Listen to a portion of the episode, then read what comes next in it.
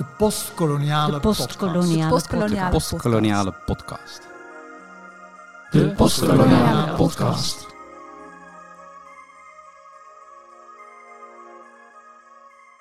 In de 19e en de eerste helft van de 20e eeuw, tot Indië bezet werd door de Japanners in 1945, reisden duizenden Nederlanders naar de kolonie in de Oost.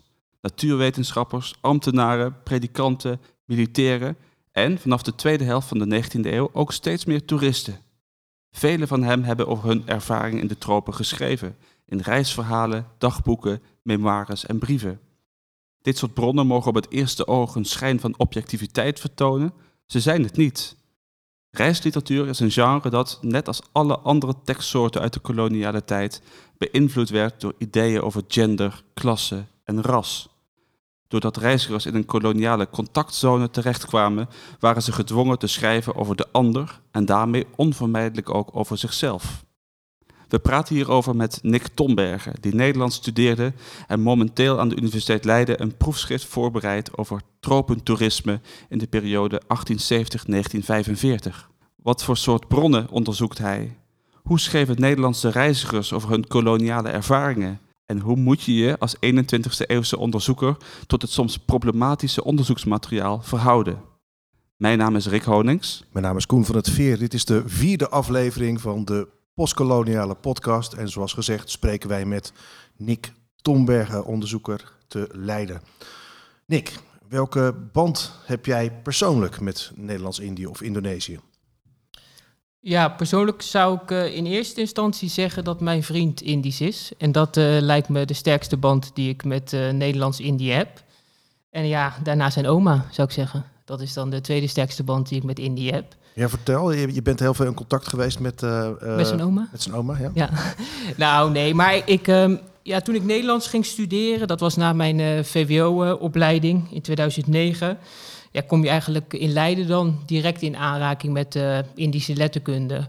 Het heeft altijd een eh, grote plaats in het curriculum gehad. Dus volgens mij hebben wij in het eerste jaar ja, wat romans van Daum gelezen, een grote romancier uit de Indische letterkunde. En daarna ben ik ja, heb ik ook gekozen om bepaalde vakken te volgen over eh, Indische letterkunde, onder andere bij eh, Peter van Zonneveld en eh, of Braamstra. Dus toen begon ja, Indië wel voor mij te leven. En dat is ja, hoe ik eigenlijk, voor zover ik weet, dan in aanraking gekomen ben met Indische letterkunde. Ehm, er werd ook door de studievereniging hè, van de opleiding Nederlands in Leiden het Nieuw Nederlands Spel een Indonesië-reis georganiseerd in ehm, 2010, 2011, als ik het goed heb. En daar ben ik bij, eh, mee mee geweest. En eh, toen hebben we heel veel plaatsen bezocht die in die Indische letterkunde beschreven werden. We zijn naar de universiteit geweest in eh, Jakarta. Dus eh, ja, toen begon het eh, al steeds meer voor mij te leven. Was dat de eerste keer dat je in Indonesië kwam? Ja, dat is de eerste en de enige keer dat ik eh, in Indonesië ben geweest. En eh, ja, als het goed is, vertrek ik eh, aankomende maand eh, voor vier weken opnieuw naar Indonesië. Ook voor mijn onderzoek. En dit keer gaat je vriend mee. Dit keer gaat mijn vriend mee, zijn oma niet. En dan gaan we ook naar eh, Sumatra. Dus eh, ja, ik ben heel benieuwd. En wat Ja. was je indruk van Indonesië toen je daar voor het eerst kwam? Ja, ik zou toch zeggen overweldigend. Maar ehm, dat komt ook omdat ik zelf ben opgegroeid eh, in het Westland. En ehm, ja, toen ik daar naartoe ging, woonde ik nog steeds bij mijn ouders in een Phoenixhuis. En eh, ja, ik vond Leiden al een hele bevalling. Dus toen ik toen in Jakarta kwam, zo'n wereldstad, ja, vielen de schellen me van de ogen. In welk opzicht? Wat, wat, wat zag je dan? Eh, Ja, dat, dat is moeilijk om te zeggen. Ik denk dat het, eh, het, is, het is gewoon een, eh, een wereldstad, ontzettend groot. De, de ontzettende drukte weet ik nog. Indruk op mij heeft ook gemaakt die, die plantentuin in Bogor die we hebben bezichtigd. Met die, ja, toch die plantengroei die je nergens anders hier in Nederland ziet. En je kan wel in Leiden in de botanische tuin gaan kijken. En ja, ze zullen best trots zijn op de eh, tropische planten die ze hier hebben staan. De plenusplant is weer voor de tweede keer in bloei. gelukkig Maar als je maar. daar ja, toch in die eh, plantentuin bent, ja, dat, dat is van een hele andere orde. Ja, zo groot en eh, En zag je, ook nog, mooi. zag je in Indonesië ook nog dingen terug die je uit de koloniale literatuur kende? Nou, we zijn wel bijvoorbeeld naar het oude Batavia gegaan. En daar zag je nog heel duidelijk restanten van die, ja, uit die VOC-tijd en ook die bouw. Dus dat, eh, dat staat me nog wel heel erg bij. Je houdt je bezig met, eh, met tropentoerisme. Ja. toerisme in, in de tropen en alles wat daarmee eh, te maken heeft. Wat voor bronnen gebruik je? Ja, die bronnen die ik gebruik in mijn proefschrift zijn, ehm, zijn heel divers. Dus in eerste instantie hè, bij een Neerlandicus die onderzoek doet naar tropentourisme, zul je ongetwijfeld denken aan reisboeken. En die gebruik ik natuurlijk. ehm, onder andere hè, de reisbrieven die eh, Louis Couperus heeft geschreven voor de Haagse Post. En die later zijn eh, gebundeld. Er liggen mooie foto's van, hè? Dat eh Ja, Ja, ja. Leiden. Zeker, ja. In de bijzondere collecties liggen daar inderdaad nog mooie foto's van. Maar ik bekijk ook in diezelfde bijzondere collecties van de Leidse Universiteitsbibliotheken ook eh, ja, een keur aan eh, reisgidsen. Die zijn uitgegeven eh, vanaf het einde van de 19e eeuw tot zo, hè, die hele geschiedenis van Nederlands-Indië door. Maar in aanvulling daarop bekijk ik ook correspondentie, brieven, die reizigers hebben gestuurd naar Nederland vanuit Indië. Heel vaak aan, aan hun ouders. En waarin ze vertellen over de reizen die ze gemaakt hebben. Wat, wat wil je over het tropen toerisme laten zien? Ik wil allereerst ehm, gewoon dat tropentourisme en de ontwikkeling daarvan in kaart brengen. Eh, er is heel weinig geschreven over dat tropentourisme. En als je in de, ja, in de geschiedenissen kijkt van Nederlands-Indië en Indonesië, dan kan je daar relatief weinig over vinden. Bijvoorbeeld in de geschiedenis van eh, Wim van der Doel. Eh, De geschiedenis van Bali en het en de toerisme daar is wat beter in kaart gebracht. Maar eigenlijk is, is die ontwikkeling van dat toerisme in Nederlands-Indië ja, daar is nog zo weinig over geschreven. Dat ik allereerst gewoon mezelf heb voorgenomen om die ontwikkeling van dat toerisme in kaart te brengen. En dan hele, bijzonder, eh, hele basale vragen van waar overnachten die toeristen? Hoe reisden ze? Waar gingen ze naar kijken? En dat wil ik allereerst eh, te weten komen.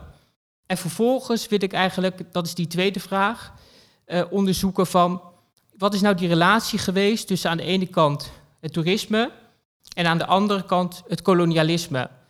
Hoe verhouden ze, eh, die twee zich tot elkaar? Heeft bijvoorbeeld die toeristische beeldvorming het kolonialisme bevorderd? En op welke manier dan? Dat zijn eigenlijk volgens mij de twee centrale vragen die, eh, die ik probeer te beantwoorden. Kun je ons een beetje mee terugnemen in de tijd? Eh, en welke periode denken we nu, als het nu precies over toerisme in Nederlands-Indië gaat? Je hebt natuurlijk in de vroege 19e eeuw allerlei reizigers, natuurwetenschappers, zendelingen, die naar gebieden gingen die ze eigenlijk niet zo goed kenden. Hè? Hm. Die zou je tussen aanhalingstekens ontdekkingsreizigers kunnen noemen. Wat is dan het verschil met de reizigers die jij onderzoekt en wanneer begint dat ongeveer? Ja, ik begin zelf in ehm, 1870. En dan begint het, ehm, ja, het internationale toerisme in Nederlands-Indië mondjesmaat. Ja, je zou misschien nog beter kunnen zeggen aan het einde van die 19e eeuw dat het eh, begint. En dat heeft alles te maken bijvoorbeeld met de opening van het Suezkanaal. Dus men kwam eh, in 1869, dus men kwam gewoon sneller in Nederlands-Indië.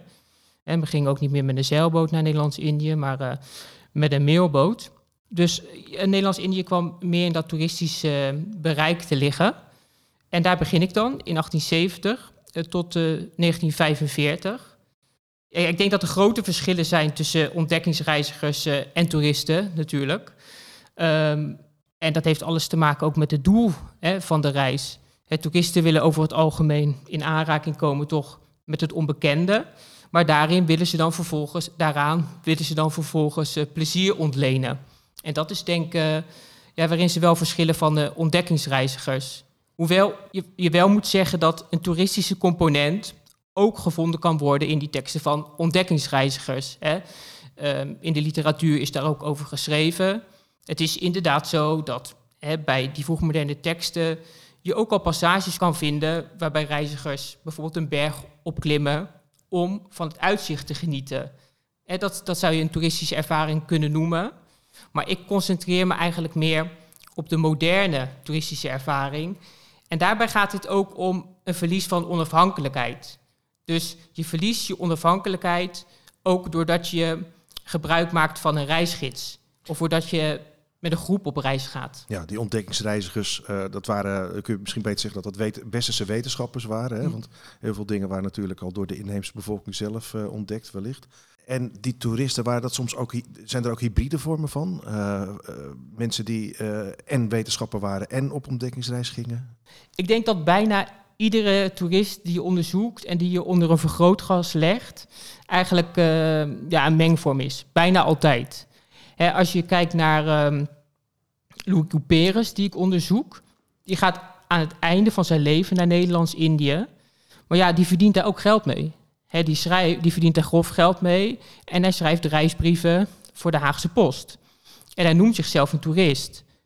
Maar ja, in principe zeggen we, ja, toeristische reizen, als je aan het werk bent, ben je dan nog een toerist?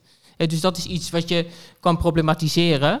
En er zijn tal van andere voorbeelden te vinden.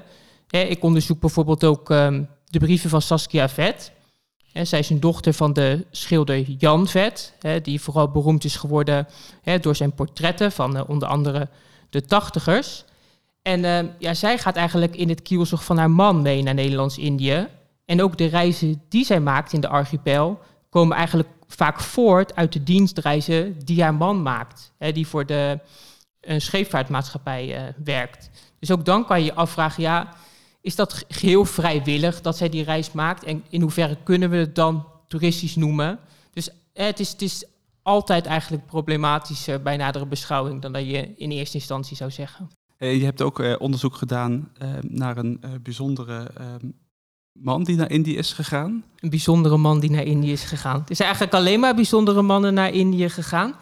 Maar ehm, toen ik eh, ja, begonnen was met, het, eh, met mijn promotieonderzoek, keek ik voornamelijk naar eh, uitgegeven reisboeken.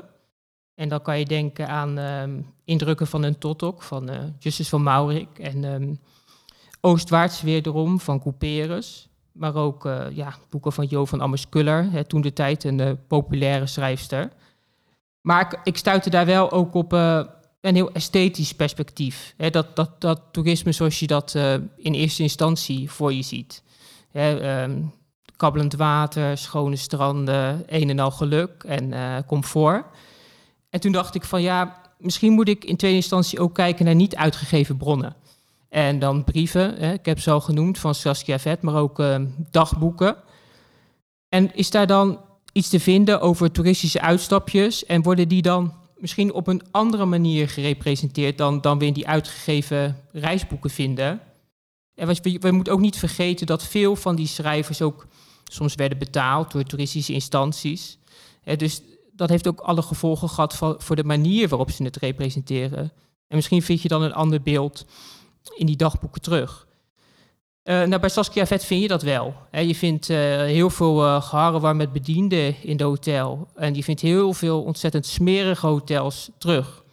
Eh, ook dat is eh, zeker koloniaal geladen beeldvorming. Dat, eh, daar kan ik later misschien nog op terugkomen. Maar het is wel een andere beeldvorming dan dat je in de uitgegeven reisboeken uh, terugvindt. Waar zit dat verschil dan in, uh, Nick? Als je bijvoorbeeld kijkt naar de uh, boeken van Couperus, dan is het een en al uh, schoonheid en prettigheid in die hotels. Bij Saskia Vert, die maakt allerlei reizen in de Indische archipel, maar ook in Zuidoost-Azië. En die beschrijft ook bijvoorbeeld de hotels die zij in um, Calcutta bezoekt. En dan schrijft zij, en het is heel interessant om te zien bij Saskia Vet, dat alle hotels in Nederlands-Indië, die zij beschrijft hè, in de jaren twintig, die zijn een en al schoonheid en een en al comfort en het is uh, geweldig en hygiënisch. Maar dan gaat zij hotels bezoeken in Calcutta en dan schrijft ze dat ze het zo vies vindt en dat ze niet eens op die stoel durft te gaan zitten en dat ze dan maar uh, dat hotel is uitgevlucht en dat ze wordt bediend door een mannetje die een hoofddoek op heeft waarvan het lijkt alsof hij ook de theekopjes ermee reinigt. En dan aan in eerste, instantie kan je zeggen, oké, daar vinden we dan een hè, realistisch beeld van de kolonie. Maar bij nadere beschouwing is dat natuurlijk helemaal niet zo. Hè, je kan volgens mij veel, eerst, veel meer zeggen dat zij het opneemt voor, voor uh, dat het heel nationalistisch geladen is. Dat zij wil laten zien hoe de Nederlandse kolonisator, in tegenstelling tot de Britten, wel in staat is om die koloniale inheemse bevolking te verheffen. En om te laten zien dat, ze, dat de Nederlandse kolonisator wel in staat is om zijn of haar kolonie verder te brengen. Hè, in tegenstelling tot uh, die Engelsen. En wat kom je tegen in het dagboekje van meneer Aanstoots? Ja, daar wilde ik eigenlijk uh, naartoe, inderdaad. Um, dus naast die uh, brieven van Saskia Vet heb ik ook de dagboeken van Jacques Aanstoots bekeken. En die bevinden zich in de Asian Library. En wat was het voor een man? Ja, Jacques Aanstoots ging niet als toerist naar Nederlands-Indië, maar uh, als ambtenaar van de PTT. Dus hij ging daarom uh, onder andere de telegraafverbindingen aan te leggen.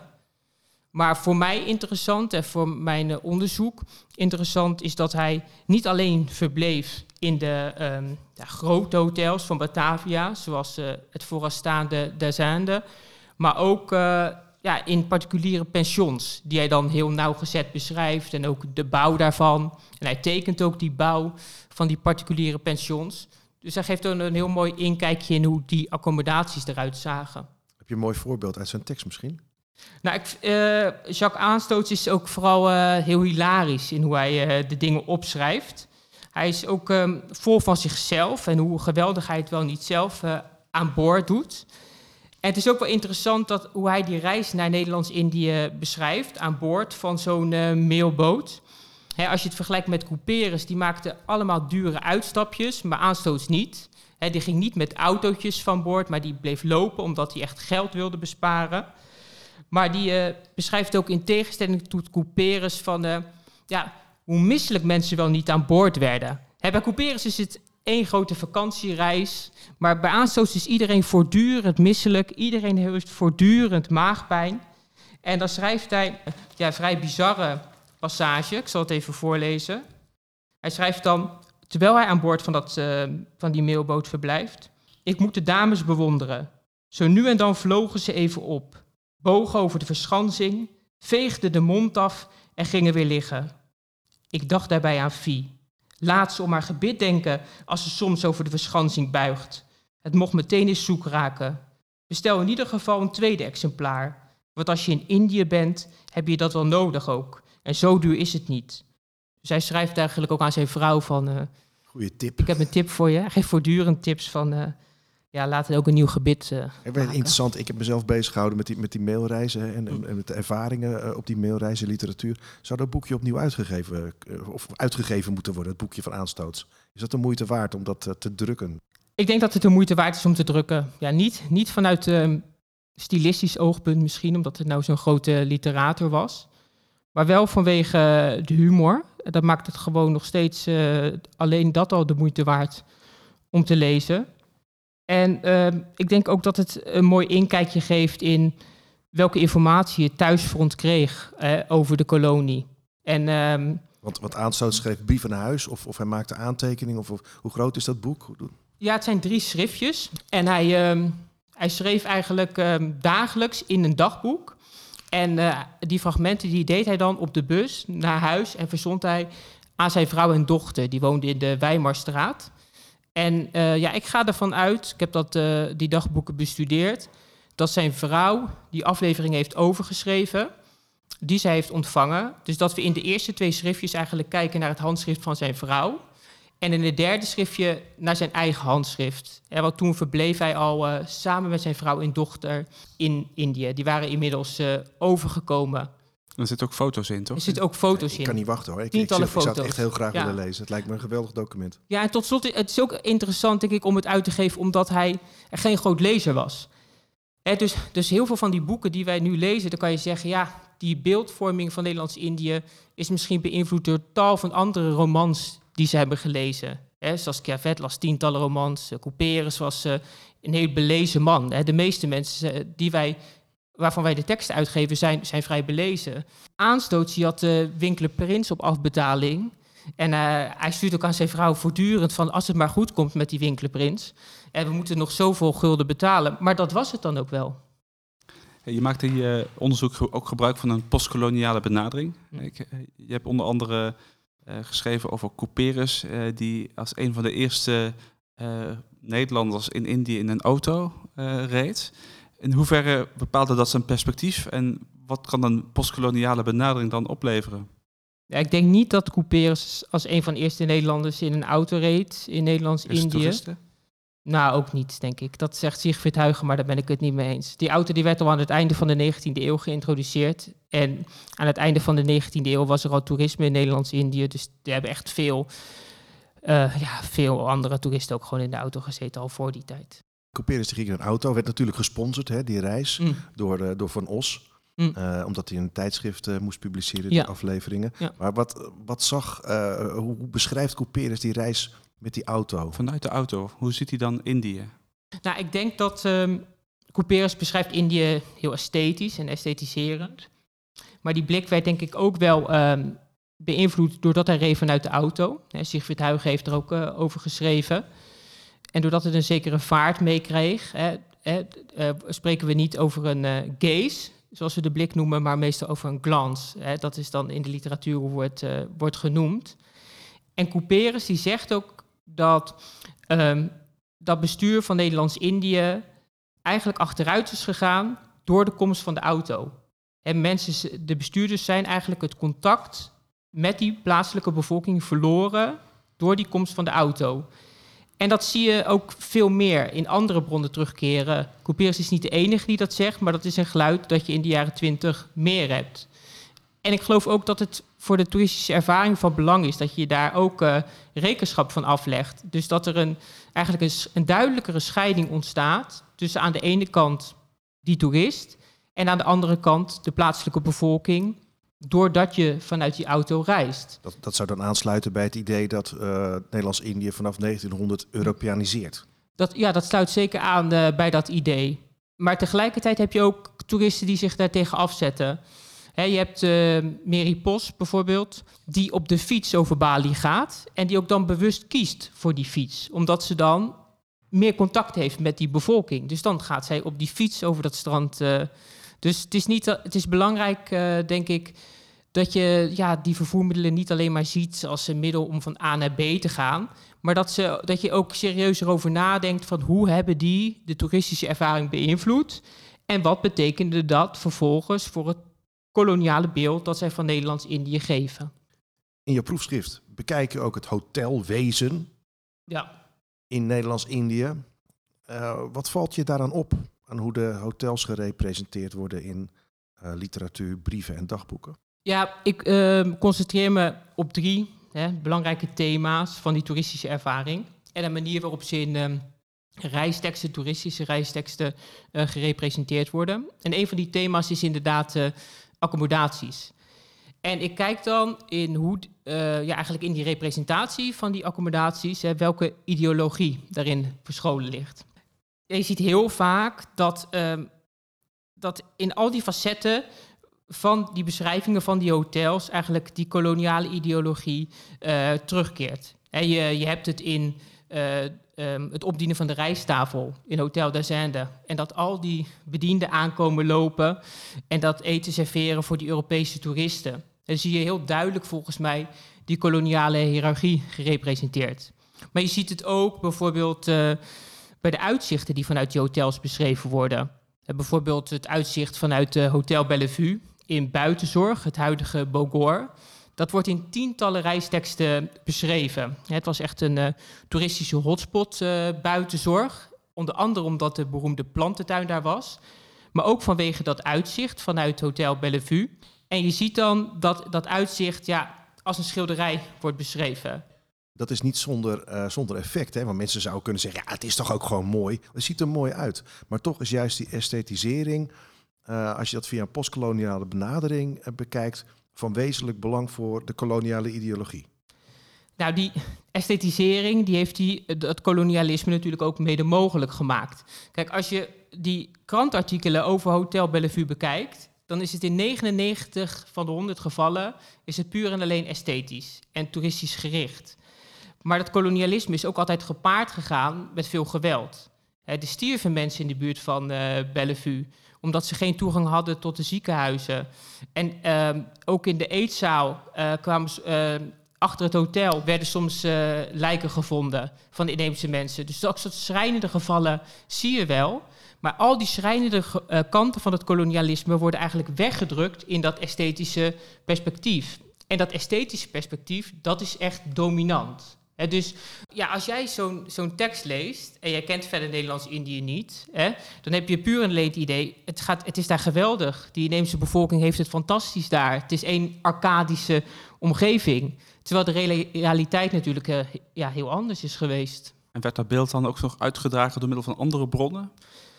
Dat beeld werd totaal van verschillende bronnen uitgedragen. Dus niet alleen reisboeken en reisgidsen, maar er zijn ook etsen gemaakt van dat uitzicht, aanzichtkaarten, foto's. Mensen schreven erover in brieven naar huis. Dus ja, echt ja, heel beroemde schrijvers over hebben erover geschreven. Simon Vestdijk heeft erover geschreven. Aletta Jacobs heeft erover geschreven. Louis Couperus, Justus van Maurik. Het is vervolgens ook nog eh, ja, in beeld vastgelegd door eh, beroemde fotografen zoals eh, Woodbury van het beroemde fotostudio eh, Woodbury and Page. Het is door Jung gefotografeerd. Het is ook geëtst door Willem Witse. En zelfs koningin Wilhelmina had een aquarel van het uitzicht vanuit Bellevue aangeschaft. Hey, en hoe kan jouw onderzoek nou, denk je, een bijdrage leveren aan het huidige maatschappelijke debat over het Nederlandse koloniale verleden? Ik denk dat, dat eh, mijn onderzoek duidelijk, ma eh, ja, gewoon duidelijk maakt hoe kolonialisme werkt in de praktijk. Welke mechanismen dat kolonialisme hebben gerechtvaardigd. En ook ehm, ja, hoe eh, de, het, Nederlandse bestuur in staat is geweest om dat kolonialisme te rechtvaardigen. Dus ik denk dat het in die zin scherper, ons scherper laat zien hoe dat kolonialisme heeft, heeft kunnen bestaan. En hoe het zo'n toch een breed draagvlak heeft eh, kunnen krijgen. Je hebt het over die koloniale mechanismen die eh, het koloniale, kolonialisme mogelijk maakten. Zijn dat zaken die nog steeds spelen in onze huidige maatschappij? Ja, zeker. Je ziet in die toeristische reisteksten dat ehm, ja, de Indonesische bevolking continu als, an, eh, hè, als ander wordt neergezet, als de ander. En het kolonialisme heeft ook alleen maar kunnen bestaan door het creëren van de ander. En door je daar vervolgens tegen af te zetten, hè, als een beter iemand. En ehm, ja, dat soort mechanismen zijn, op de, zijn vandaag de dag nog steeds aan het werk. Hè, dus ik denk dat het, je ziet het bij hoe we spreken over andere etnische minderheden. En eh, je ziet het hoe we praten over de vluchtelingen. Dus ik denk dat, dat dat soort mechanismen vandaag de dag nog steeds aan de gang zijn. En dat mijn onderzoek kan laten zien van hoe schadelijk dat soort mechanismen ook kunnen zijn. Maar ik denk dat mijn onderzoek ook een bijdrage levert aan, aan het begrijpen van de toeristische ervaring. Hoe die ook vandaag de dag nog is. En hoe die toeristische ervaring ook altijd een vertekening is van, van de werkelijkheid. Want als je kijkt naar toeristen vandaag de dag die naar Indonesië gaan, zie je dan overeenkomsten met de toeristen van een eeuw geleden? Ik denk dat heel veel zaken nog steeds niet veranderd zijn. Zijn de attracties nog hetzelfde? Heel veel van de attracties zijn nog steeds inderdaad hetzelfde. Ja, dus als je het hebt over eh, de plantentuin, gaan wij nog steeds heen. Een lijkverbranding op Bali, die een grote toeristische attractie waren. Ja, daar, daar gaan nog steeds mensen eh, naartoe. Telaga Warna? De meren, inderdaad, de watervallen, het Toba-meer op Sumatra. Ja, zoveel, zoveel is er eigenlijk niet veranderd. En in de manier waarop we er naar kijken? Ik denk dat onze toeristische blik vandaag de dag nog, eh, nog heel erg koloniaal gekleurd is. Ja. Dankjewel. Het, het is zo'n beetje tijd om, eh, om af te ronden. We vragen elke gast ook eh, of hij een eh, favoriet fragment wil voorlezen. Je hebt gekozen voor eh, Willem Walraven en dat is ook meteen je tip voor de luisteraars, toch? Zeker, ja. Oké, wie was Willem Walraven? Even in het kort. Ja, Willem Walraven, dat is een... ehm, ja, is minder bekend en daarom heb ik ook voor hem gekozen. Eh, grootheden uit de Indische letterkunde zijn Couperus bijvoorbeeld of eh, Multatuli. Maar ik dacht, laat ik nou eens een keer niet voor Couperus of Multatuli kiezen. Maar voor iemand die we wel, wat minder goed kennen. Een uitstekende schrijver is, hè, Walraven? Ja, Walraven die is vooral beroemd als brievenschrijver. Hij heeft ongeveer, ja, als ik het goed heb, 121 brieven geschreven. En ze zijn alle 121 eh, even onvergetelijk. Hij werd geboren op uh, Goeree Overflakkee als zoon van een eh, kruidenier. En hij vond het eigenlijk verschrikkelijk daar. Hij trok al snel naar Delft, Rotterdam. Hij reisde naar Canada, naar Amerika. En ja, ook daar ja, kwam hij iedere keer maar van de regen in de drup. En toen in 1915 reisde hij als militair naar Java. Hij tekende een driejarig contract bij, de, bij het KNIL. En heeft hij toen eh, verschillende baantjes gehad. Bijzonder is nog dat hij trouwde met een eh, Indonesische vrouw, een Soedanese vrouw, Iti. En met haar kreeg hij eh, negen kinderen. En hij raakte ook ja, onder andere door dat huwelijk daar in een hele geïsoleerde positie. Hè, want door de Europese bevolking uh, ja, werd hij bespot dat hij het deed en, en gekleineerd.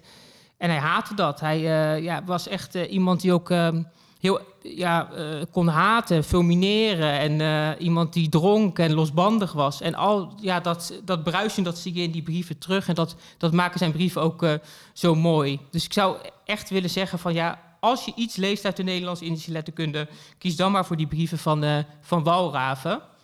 Ja, het is nog zo'n hele grote man die heel erg kon haten en met zijn vuist op de tafel kon slaan.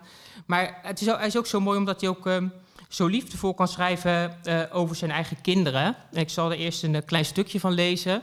En vervolgens zal ik een korte passage schrijven waarin hij schrijft over de discriminatie die hij ervoer in Nederlands-Indië als hij met zijn vrouw erop uitging.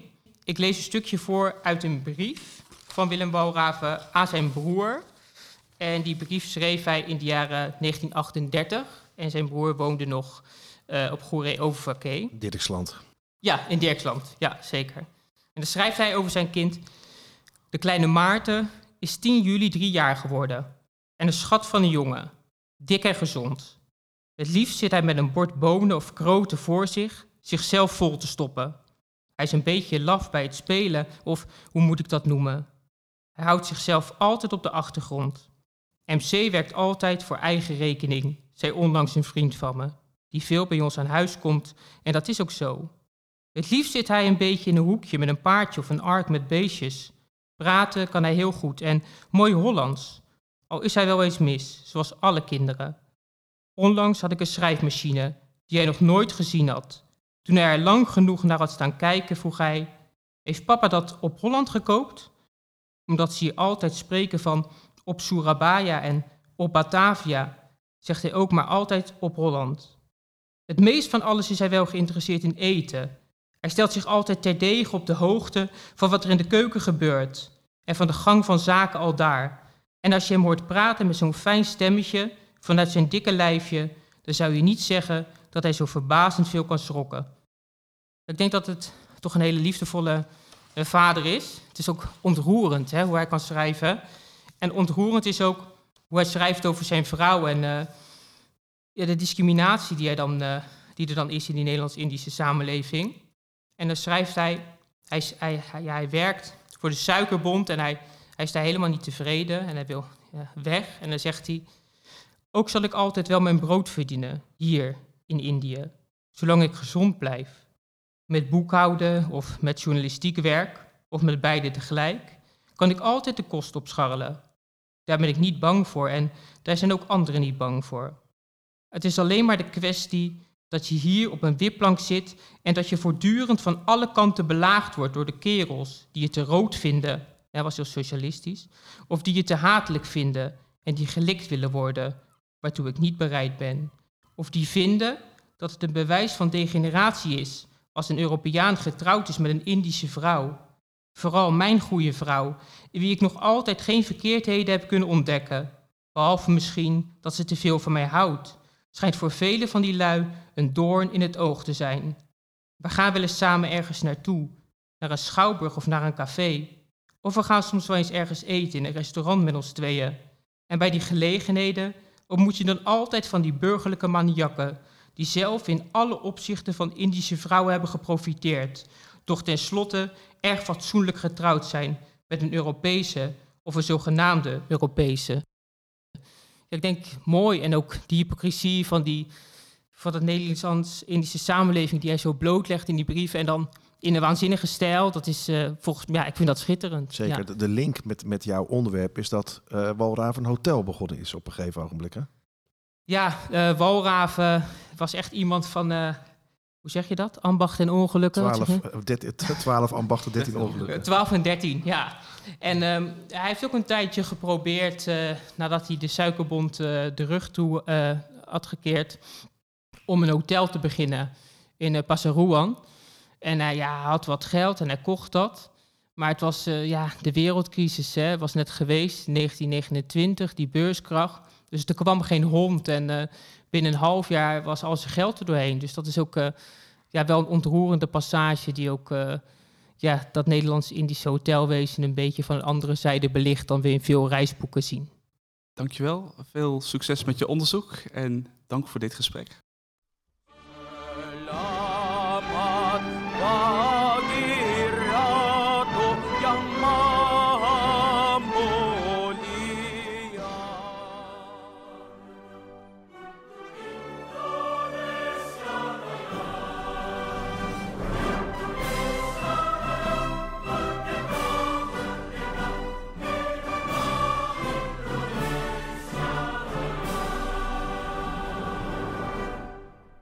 Postkoloniale podcast werd gemaakt in het kader van het NWO-VIDI-project Voicing the Colony, Travelers in the Dutch East Indies, dat aan de Universiteit Leiden wordt uitgevoerd binnen het Leiden University Center for the Arts in Society, LUCAS.